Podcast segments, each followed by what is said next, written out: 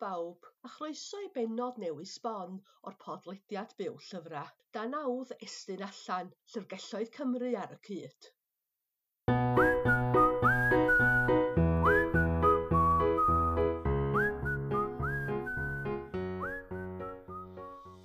Y tro yma, fi Rhian, a Lois yn cymryd rhan, a da ni'n eithriadol o ffodus o gael cwmni'r amryddawn Rhian Cadwaladr. Felly, croeso mawr ato ni rhian. Diolch yn fawr. O bosib, bod rhai ohonoch chi wedi gwylio cyfweliad diweddar hefo rhian cydwelydyr ar ein sianeli cyfryngau cymdeithasol. Os na, mae'n wirioneddol werth i chi fynd i chwilio amdano fo. Sgwrs hynod o ddifur am digefndir a'r broses sgwennu gan ganolbwyntio ar dynofelau a llyfrau plant. Fel y sonwyd eisoes, da chi wedi sgwennu am rywiaeth y lyfrau dros y blynyddoedd – Os gen ti broses gwahanol ar gyfer y math o lyfrau wyt ti'n sgwennu? Um, Wel, dwi wedi sgwennu uh, tair nofel a dau lyfr plant sydd wedi cael eu gyhoeddi, ond dwi hefyd wedi sgwennu nofel fel yr ddysgwyr sydd yn yr arfaith o bethau a um, llyfr plant arall fydd, fydd yn dod allan um, mis uh, Medi Hydref. Um, oes mae yna, mae yna wahaniaeth yn y ffordd dwi'n mynd ati, wel yn un peth, mae llyfrau plant gymaint byrach. Um, hmm. an, ond mi fyddai'n cynllunio reit fanwl pan fyddai'n neud fy nofela. Ond un peth gen i fi'n gyffredin efo nhw gyd ydy, dwi'n dechrau bob tro efo llyfr glân newydd neis, nice, efo clawr posh fel arfer, neu molesgain neu rhywbeth neis fel a, a, a beiro. A wedyn mae'r syniadau yn dŵad trwy'r beiro cyn i mi fentro ati wedyn um, i dipio fe gyd i fewn, ond dwi'n dwi, dwi un sy'n cynllunio reit fan ôl a dwi'n meddwl lot cyn dechrau sgwennu. Fyddai'n mynd am dro lot a fyddai'n yn chwarae fy syniadau yn ymhen tra dwi'n cerdded. A ac yn anffodus, fyddai hefyd yn meddwl tra fyddai'n yngwelyn y nos sy'n beth gwirion i wneud a sy'n ni'n licio sam i ddim yn neud o, ond mae'n cadw fi'n effro nos. A peth anffodus am hynna ydy pan dwi'n deffro'n bora, dwi'n cofio am y syniad gwych ma'n wedi gael yn ganol y nos. Mae'n siŵr bod y broses o gynllunio llyfr coginio yn hollol wahanol eto. Ia, dach chi'n iawn. Trafod y llyfr coginio Casa Cadwaladr ydan ni heddiw. Yn ystod y cyfnod clo cynta, mi wnes i a llawar un arall ymuno a curo corona coginio sef tudalen Facebook Merchaid y Wawr. Yma nes i ddod ar draws lluniau hynod Instagrammable o bob math o fwyd wedi greu gynnit. Ai dyma gychwynodd y daith o greu llyfr coginio? Wel, Ia, yn syml mae'r ateb yn hawdd i hwnna. Ia, y dudalen Facebook yr y corona roedd y cyfla i fi gael sgwennu y llyfr Coginion, y Casa Cadwaladr. Um, nes i ddechrau rhoi y lluniau mae fyny um, yn ei laiti ydy coginio. Uh, dwi'n coginio pan dwi'n cofio a dyd gwir a, ac o'n i licio bod yn rhan o gymuned o bobl oedd yn, oedd yn licio'r un pethau.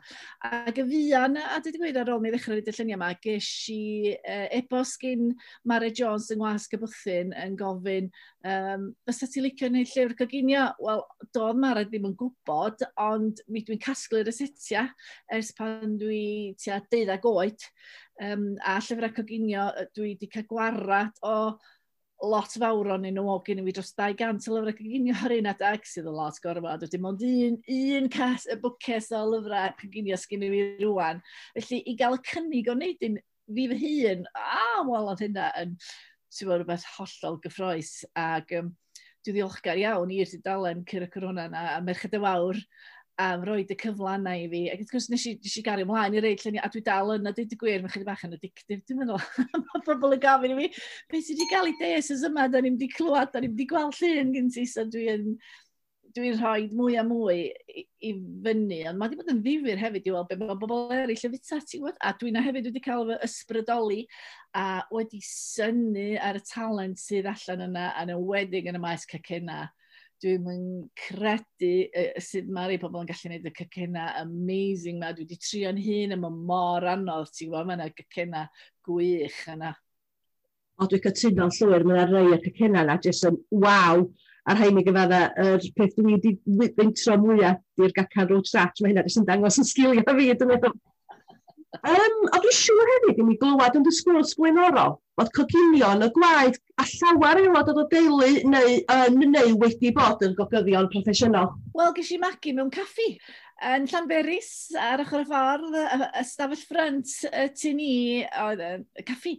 A mi oedd hi'n gorad yn ystod tymor y season, fel oedden ni'n galw fod y cynni, o pasg tan hydref.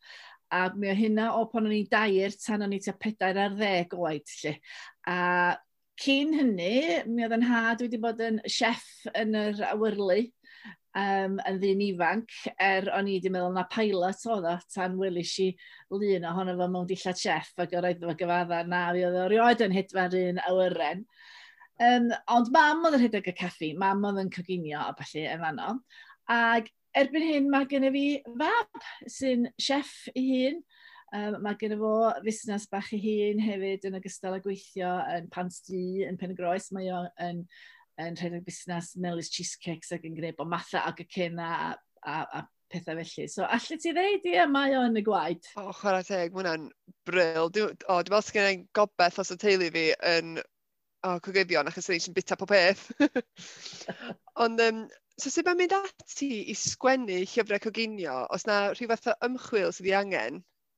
Uh, Wel, oes, oes, oes, oes. Mae o'n rhywbeth hollol wahanol i beth dwi wedi arfer wrth gwrs sgwennu nofela. A, a peth cyntaf nes i wrth mynd edrych eto ar rhai o'n llyfrau coginio fi a gweld, um, ti'n bod, be oedd yn apelio ata fi.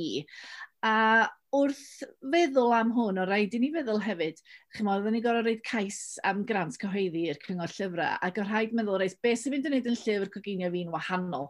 Beth sy'n mynd i wneud iddyn nhw fod isio rhaid yr arian i'w gyhoeddi fo? A, a be nathon ni feddwl oedd, oedd cyfuno'r ffaith bod fi'n awdur hefyd ac yn licio sgwini ac yn licio straeon. Um, um, mae hwn yn cynnwys pytiau bach o straeon bach hanesion bach i gyd fynd efo amball resait, atgofion, um, pam mae'r resait yna yn golygu rhywbeth i mi. A dyn nes i nôl i'r hen scrapbook o gyda fi, nes i gychwyn pan o'n i um, o newydd gychwyn yn yr ysgol uwchradd ac edrych trwy y resitio ni wedi gael gyn nain ac gyn fy mam, resitio pethau troddodiadol fatha tatws 5 munud a um, tatws yn popdi A be dwi wedi weld ar y dudalen cyr y corona ydy, mae gen bob teulu risau i hun, ei ffordd hun o wneud o does, ar ei um, yn ffrio'r porc gyntaf cyn reid o yn y tatws yn pop dim a reid, rei reid o syth i fewn yn amrwd. Uh, a chi dorth frith, a chi beth arall dwi wedi rhoi yn efo. Argen mae'n gymaint o resesau gwahanol ar gyfer torth frith does, a bob teulu yn meddwl na nhw sydd efo'r un gorau. Lle dwi wedi cynnwys rei traddodiadol fel hefyd. A be o'n i'n gallu neud oedd wrth edrych a dilyn tudalen Ciro Corona, a dwi yn dilyn tudalen arall yn Saesneg hefyd, BBC Good Food Together, di honna ar Facebook. Dwi'n gweld be mae bobl yn licio, be maen nhw, be maen nhw fwyta, a pobl yn gofyn i fi, os o'n i'n reid rhyw llun rhyw disan neu rhywbeth i fyny, yn gofyn i fi am yr esau. So, dyn nhw'n gwybod wedyn, a oce, okay, mae bobl di licio honna, geith rhywbeth fel la fynd i fewn i'r llyfr. Felly, um, ac y balans hefyd oedd hynna'n bwysig, o'n eisiau cael amrywiaeth o'r esetia, um, a, a bod o'n rhywbeth sydd yn mynd i apelio at, at bawb mewn ffordd. Diolch yn, ti'n mae gei di reid llyfrau sy'n canolbwyntio ar ei un math o gyginio, ond mae yna lot o wahanol bethau yn hwn, mae yna bethau sydyn a hawdd, achos uh, dwi'n meddwl na dyna sy'n apelio lot o bobl dyddi yma, da ni'n brysur tydan, bod chi'n gallu gwneud y pryd ma'n sydyn ac yn hawdd, mae'n lot o hynna na fo, achos dyna steili o goginio hefyd, ond mi dwi hefyd yn licio pan mae gen i'r amser i, i ffaffian yn y gegin, lle mae'n amball yr isaid sydd yn cymryd chydig bach mwy o amser pan mae gen i chi amser i chwarae yn y gegin. Gwych. Dwi'n meddwl mae hwnna'n gwych, jyst achos dwi'n meddwl o ran straeon, o ran so, mae bwyd just mor canolog weithiau i'r straeon yma a'r atgofio yma ydych chi'n cael. So dwi'n meddwl mae'n wych bod chi'n gallu gweddi'r ddau i'r coginio a hefyd cael y straeon yma yn llifo i fewn hefyd o, o ran cael narratif bach. A just yn meddwl, um, da chi sôn am uh, sut ydych chi'n penderfynu, ond o'na rhyw fath o limit ar faint o rys, uh, ryseitiau oedd yn mynd fewn i'r llyfr? Wel, nes i sbio ar y llyfr oedd gyda fi, ac o'na rhain yn fath o 200 o'r fath o felly, ac o'na rei fo lot dipyn llai. Nath ni setlo'n diwedd ar 80, achos be o rhaid i ni gadw mewn cof oedd, bo rhaid i fi goginio rhain i gyd ar gyfer cael tynnu lluniau nhw. A hyn a hyn o amser a hyn a hyn o gyllid sy'n na, yn wedi gyfo llyfrau Cymraeg i ti fedru gwneud hyn. Felly o rai ni gyfyngu fo. Um, tîm bach ydy ni sydd bod yn gweithio ar hwn. Um, Mae'r edygolygydd wrth gwrs, a wedyn fydd Olwen yn dylunio fo, a wedyn Christina Van Holser, y ffotograffydd, ddoth draw i dynnu y lluniau. Um, mae Christina yn ffotograffydd gwych, ond um, dydy ddim yn arbenigo just mewn uh, tynnu lluniau bwyd. A tysa ti'n gwneud un o'r llyfrau, ti'n bod, mae gen i fi gasgliad o lyfrau Jamie Oliver a, a um, Gordon Ramsay a'r cygyddion unwag mae'n gyd. Mae gen i nhw dîm cyflawn sy'n dod i fewn i weithio hefo nhw. A dwi'n newid brynu llyfr os ystwytha rwan, um, ac o'n i'n gweld y diolchiadau hwnnw ac oedd uh, hi'n diolch yn hwnnw i'w thîm, oedd fe'n gweithio hefo hi, y ffotograffydd bwyd penodol, tri stylist oedd yn gweithio ar sut i osod y lluniau wan, sut, sut i osod y bwyd ar gyfer y lluniau mwy atrewiadol. A hefyd un person oedd just yn prynu'r llestri ac yn sortio'r llestri allan. A hefyd oedd gen i hi rhywun oedd i bod yn neud i gwati a'i, ai cholir hi a'i gwisg hi. Wel, oedd gen i ni'n byd, just y fi a Christina, ac oedden ni'n gorfod wneud y coginio, o'n i'n wneud y coginio a'r gochi llestri, a'r siopa, a'r gynllunio, a mae wedi bod yn lot o waith. Um, ond dwi wirioneddol wedi mwynhau o er bod fi ar yngluniau erbyn diwedd chwech diwrnod o seithio gen i efo Christina. Felly 80 o resetiau, chatha ni ddim amser i wneud hynna i gyd, felly dwi wedi tynnu uh, rhai o'r lluniau fy hun ond um, oedden nhw ddyddiau llawn iawn, nid yn unig oedd yn y lluniau, ond o fita, achos ac yn gas gen i wastraffu, a mae'n mod hyn a hyn fydd yn heil i fi fita. Felly fe Christina a fi na pizza trwy'n dydd hefyd, tra dda ni'n gwneud y bwyd at yn y lluniau yma sa fi wedi cael llon bol o fod yn y gegi na ar ôl hynny. oh, wel, ti'n gwybod, mae wedi gwneud lles i, mae wedi gwella'n sgiliau fi, de. Dwi'n dwi, teimlo bod, i, bod fi llawer fwy efficient yn y gegin rwan, achos mae hynna wedi dysgu gwersi fi ar sut i gynllunio a sut i fod yn, uh, yn effeithiol yn, yn sut wyt ti'n coginio o, oh, dwi'n siŵr, os da chi'n gallu gwneud masterclasses uh, i bawb ar ôl hynny. O, dwi'n gwybod am hynna. o, oh, dwi'n siŵr, dwi'n siŵr bydd pawb yn troi fyny ar gyfer heina. A wedyn, gan bod chi'n sôn, o'ch chi'n gwneud rhyw 80 o brydiau neu rhywbeth fel yna, os na pryd o fwyd ti'n cysau coginio um, neu un ffefryn hefyd? Um, as yn byd dwi'n cysau, ond oh, mae'n rhywbeth dwi ddim yn dda amdano fo. Dwi ddim yn dda am bethau sydd yn ffit anadlu a uh, rhywbeth sy'n golygu torri llunilla'n syth. Ac yn iwedig rwan bod fi yn tynnu lluniau a mae gen i fi dudalen Instagram, Casa Cadwalader a felly, a, a dyn, ti'n bod mae'r lluniau yn, yn, bwysicach i fi mewn ffordd. Pan dwi'n neud cacenna bach a felly, dwi'n dwi trio cael nhw fel fyswn ni, uh, ni ar bake-off, ti'n bod, ti'n gorau trio cael nhw union yr un seis, a fedra i ddim torri llunella syth am y mywyd. Felly mae'n brownies fi'n wonky, um, di misgedi fi byth i gyd yr un un maint. Rhyw, rhyw goginio a ffwrdd a hi, dwi'n meddwl ydy'n steil i, dwi ddim yn ddestlus. O ran ffefryn, dwi jyst yn licio bita, dwi jyst yn licio bwyd. Um, felly dwi'n licio neu bob dim, ond os oes un pryd dwi'n fwynhau wneud fwyaf. Cyniodolig diw hwnna. Dwi wrth y modd yn ei cyniodolig, dwi wrth y modd yn ei yr holl drimmings, ti'n fawr, dau neu dri gwahanol math o stwffins, bresos, cranberry sauce, catra, um, dri, pwdin, fel arfer dwi wedi blino gormod i fita fo. Ond dwi hefyd dwi'n licio'r sbarion wedyn uh, gyda'r nos. Felly, ie, yeah. un diwrnod y flwyddyn. ginio dolyg. O, oh, dwi'n meddwl, gai ddod atoch chi dolyg yma, achos mae swnio yn off mor blasus. so, wrth sgwennu'r llyfr yma, ac fel o'ch chi'n coginio, da chi'n sylwi bod na cynhwysyn ti'n defnyddio'n aml? Wel, oes ma na, deud y gwir, yn Casa Cadwaladr, coconut. Really? so nes, i, nes i sylwi bod hwn yn cael ei ddefnyddio'n aml gen i. Dwi'n defnyddio'r gair coconut. Dwi'n trio sgwennu'r llyfr yma.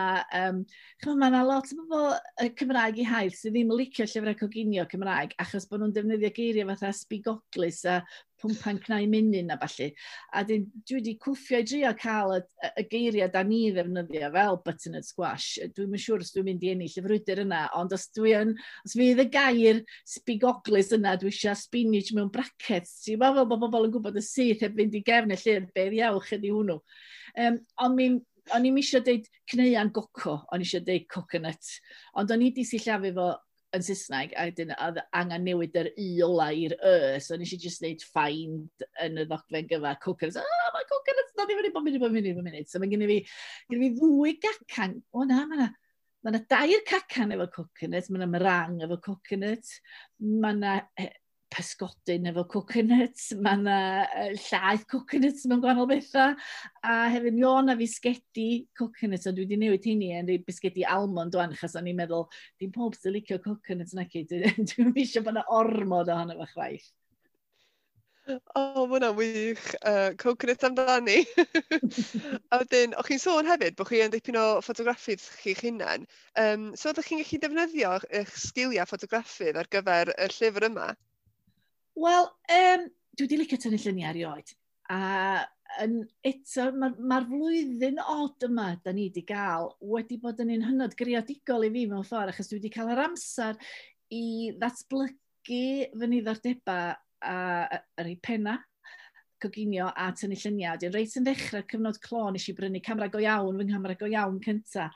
A, a dechrau postio lluniau i fyny nes i efo hynny hefyd a cael i'w adborth o'n i ar yw perthyn i rhyw dudalen ffotograffiaeth a um, dysgu, dechrau dysgu a prynu llyfrau ac edrych ar wefanna a, a datblygu'r sgiliau. Wedyn nes i ddechrau edrych ar sut mae tynnu lluniau bwyd a mae'n mae grefft, mae'n grefft yn ei hun.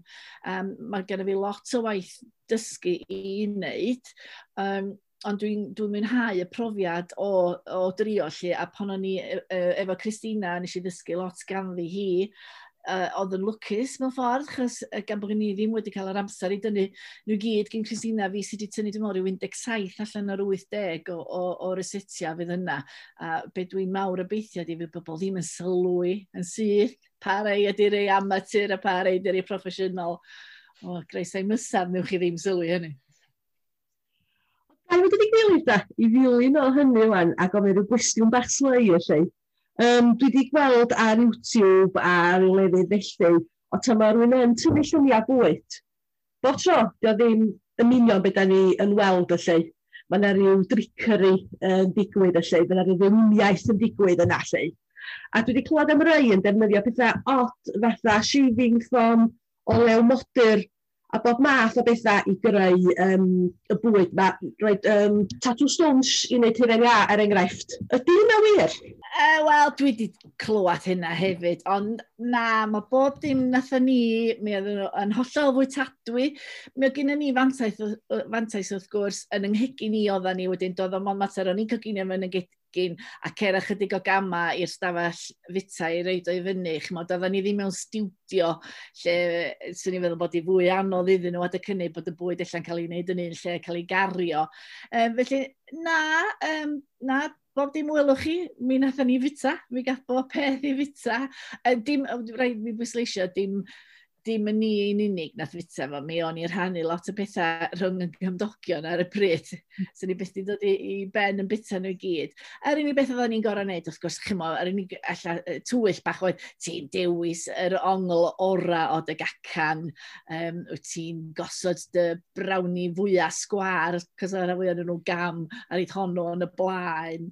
Um, jyst rhyw bethau bach fel la. Mae yna rhyw, rhyw bethau o ran steil lluniau sydd yn neud i bobl fod um, yn ymateb y well i'r lluniau bwyd, mae'n debyg, sef pethau fel bod o'n edrych fel bod o yn barod i'w bita, fel bod chdi yw'n sbio yna fo, o, ti isio bita fo. Dyna ni'n drio wneud efo'r lluniau yma, o trio cael bod rhywun yn edrych arno fo, a bod nhw, o, dwi isio bita hwnna rwan. A mae'n, chach mas, da chi rei fforc yn y llun, mae'r awgrym yna, o, dwi eisiau synestyn y fforc yna, o, dwi gallu bita hwnna rwan. Um, Mae rhaid mi ddweud mae dy goginio di fynd i gedig mae'r lluniau um, sydd ar y tudalenna Facebook a'r Instagram yn wych ac rili really, dych ymlaen i weld y llyfr coginio hefyd y lle. Ond dwi'n dipyn o fan o Masterchef Australia. A dwi'n mynd mwynhau pawb yn coginio yn fano, lle Wyt ti erioed i cysidro cystadlu a rhyw raglan tebyg i hynna, lle? Wel, nôl yn niwad yr 80au, nes i gystadlu, nes i weld rhyw leaflets bach yn Tesco. um, dwi'n cofio pwy oedd yr hydeg ys gystadleuaeth, rhywbeth, rhywbeth bwydydd Cymreig, a'r uh, gofyn oedden nhw am resait, reseiti ar gyfer pryd tri cwrs, a oeddech chi'n gorau gyrru dy syniadau fyny, am mi nes i yrru, a, a nes i fynd drwodd i'r rown nesaf, lle ni'n gorau mynd i fangor wedyn a coginio fo, um, i, yn rownd Gwynedd, a wedyn nes i guro rownd Gwynedd, a wedyn o'n i'n mynd lawr i Gaerdydd wedyn, i'r Holiday o bob man a coginio yn fanno o flaen cynulleidfa yn y ballroom. ac oedden nhw wedi dwad ar ryw stofs a falle i fyny fanno. Ac o'n i'n cymryd â ffrind efo fi, oedd yn cymryd lawr i'r gegin i olchi llestri, achos doedd ddim dŵr a sync na dim byd yna. Um, a oedden ni hefyd yn gorau mynd Dwi'n cofio, na, mi o'n y stof yn y dweud, mae mae hyn lot o flynyddoedd yn ôl, dwi'n cofio, dwi'n cofio i mi losgi myraich nes i, nes i just llosgu naich ar, ar ochr y drws popdi ac o'r cael rhyw crim a rhyw ffys fawr a pobl yn gwachad chdi. Um, a dwi'n actores hefyd, felly yna chydig bach ohona fi'n quite mwynhau y perfformio a'r drama bod fi wedi llosgu ar i meddwl felly, mae'n siŵr. nes i ddim curo yn, yn y ffainal, ond oedd o'n brofiad. Um, o ran cystadlu erbyn hyn, wrth gwrs mae'r cymaint o'r aglenni teledu wan yn does sydd wedi dod ers hynny, Nefar in Ewrop, good boy, fyswn i'n cystadlu. Dwi'n ei gormod o lanas, dwi'n gwllwn pethau, dwi'n malu, dwi'n splasio. Os ydych chi wedi gweld, dwi'n dilyn y yr yma hefyd, a bake off, dwi'n dwi, dwi gwylio hwnnw, a ydych chi gweld y llanas mae rhain yn y wneud. Wel, dwblwch o, dwi'n neud gormod o anast. A hefyd, ôl yn ôl yn heili, dwi'n gwestiwn ni gyfadda hyn de. Mae nhw'n dweud bod fi chydig bach o Jekyll yn haid, a fi wyddyn nhw ddod ar yn rhawsi pan dwi'n egegin, neu dwi'n traen chydig bach o god yn ramsi, a maen nhw'n ma nhw gwylio yn nhw ac yn hel nhw o'na. Felly, dwi'n meddwl bod fi eisiau uh, neb weld yr ochr yna honna fi. O, oh, hwnna'n wych. Dwi'n meddwl sa'ch chi mor... O, oh, sa'ch chi'n ddifur i wylio, sa'ch chi'n mynd ar Bake Off neu Masterchef, dwi'n siŵr. Ella byswn i ddim yn ei wylio, dwi'n dwi siŵr swn i'n licio gweld yr hyn, de. o, oh, hwnna'n wych. Ond, um, so, un peth sydd wedi ymddangos yn ystod y flwyddyn diwethaf yma ydy bod pobl yn mynd ati i datblygu sgiliau newydd fel coginio. Ti'n meddwl bydd pobl yn parhau i ddatblygu'r sgiliau newydd yma fel da ni'n dod allan o lockdown wan? Wel, dwi'n gobeithio, ond dwi'm yn gwybod chwaith. Dwi'n gobeithio fydd pobl wedi sylweddoli bod coginio ddim mor anodd ag wyt ti'n feddwl, a bod modd gwneud pethau really blasus, really iachus yn, yn hawdd ac yn sydyn. Ti'n gwybod, yn, yn yr amser sa ti wedi cerad i'r siop take-away neu di ordro fo beth bynnag ydych chi'n gwneud i gael eich take-aways, sa ti'n medru gwneud cyrru pysgodyn, er enghraifft mae gen i fi'r saith cyrru pysgodyn yn y llyfr. Sa ti'n gallu neud o. Um, o, a mae cacenna gymaint neisiach pan ti wedi gwneud nhw dy hun na, na cacan o siop yn wedi cacan archfarchnad. Na'n bita nhw, mae rhaid mi ddweud, dwi'n chydig bach o snob am gacenna archfarchnad. Well gen i beidio cael y caloria yna. Well gen i, as yw'n mynd i stwffyn efo caloria ar rhywbeth sydd ddim mor dda hynna i'n iechyd i. O ia, dwi eisiau gwneud yn siŵr bod o'n flasus. A mae, ti'n bod, fedra, fedra i, dwi wedi gwneud sgons er enghraifft, fedra i gael sgons ar y bwr mewn 20 munud ma, mater o arfer ydy, wrth gwrs, mae'n siw bod fi'n gynt, achos dwi wedi gwneud nhw gannoedd o weithiau erbyn hyn. Ond nhw, dyn nhw ddim mor anodd as ych chi'n feddwl. A swn i'n anodd unrhyw un i drio, os da chi roed i coginio dim byd, triwch, ach mae'n maen bod mor special does o goginio rhywbeth i rywun arall, a i roi o fel rho, dwi'n ei cacan pen blwydd i bawb. Um, mae hwnna'n rhywbeth da ni'n gael e, yn, yn tunia na i gacan pen blwydd i'n ffrindiau. Dwi wedi dechrau rhywbeth yn y cyfnod clo yma o'n mynd â cacan i'n ffrindiau hefyd. So fydden nhw'n disgwyl i nhw, a mae'n siŵr bydden. um, ond ia, dwi yn gobeithio wneud pobl cario ymlaen a datblygu y sgiliau yma. O, oh, so yna, yn dy, sef o'n braf os nhw yn, achos dwi'n cofio, dwi wastad yn defnyddio dadfu fel en, enghraifft, di dadfu, di o ddim yn cogydd, ond nath o benderfynu, mae'n mynd i wneud sgons a chwarae teg, nath ni rhyw chwech, chwech batch gwahanol. Oedd y chweched yn berffaith, ond, wel, o rhif tri ddim y gorau, oedd e fel carreg mewn ffordd, ond oedd o'n deud, ti'n dde, ar ôl practisio, practisio, ti'n dde, oedd o'n mwynhau'r broses na. A mae un... A dyma just... barhad chwarae teg iddo fo, ti'n bo, peidiwch a disgwyl gwneud rhywbeth sy'n edrych yn union fel y lluniau yma yn syth ar eich ymgais cyntaf. Ond wedi deud hynny, dydy lluniau fi ddim yn edrych yn berffaith, dwi wedi gwneud yn fwriadol, do'n i ddim eisiau'r twyllo yma, ond eisiau nhw edrych fatha sa, sa bim, mwy eisiau meddyn nag oes, ti wedi dilyn rhyw saith mewn llyfr a mae'n edrych yn ffantastig a ti ddim yn edrych yn byd tebyg. So ti'n meddwl, o'n i wedi gwneud, mae gennym fi rysait cacan, banana a taffi na, a mae yna gracia yn ochr ag acan. O, oh, so at, nes i'n wneud yn arall, ti'n bo, mae yna greciau mynd i fod mewn ambell i gacan, so dwi wedi gadael hi fel ag y mai, ac yn y gobaith wedyn, bydd pobl yn gallu creu pethau sy'n edrach debyg i'r llun. Briliant. Wel, ti'n enghraifft y berson sydd wastad yn brysur, ond wastad yn gallu profi pawb bod ddim angen sgwennu am un topic i fod yn llwyddiannus. A i lot o pobl ifanc yma sydd falle meddwl cyhoeddi llyfrau nhw i hunain, os yna unrhyw fath o gyngor bysach chi'n rhoi iddyn nhw i fynd ati? Wel, beth swn i ddweud fysa, i ddechrau beth bynnag pan da chi'n sgwennu, sgwennwch y math o lyfr sy'ch chi licio ddarllen. Dwi'n meddwl na dyna, dyna peth hawsa i wneud. A wedyn, dangoswch, o, dangoswch eich gwaith sgwennu i'r math o bobl sy'n darllen y math yna o lyfr. Chyma, achos da ni gyd yn licio gwahanol bethau.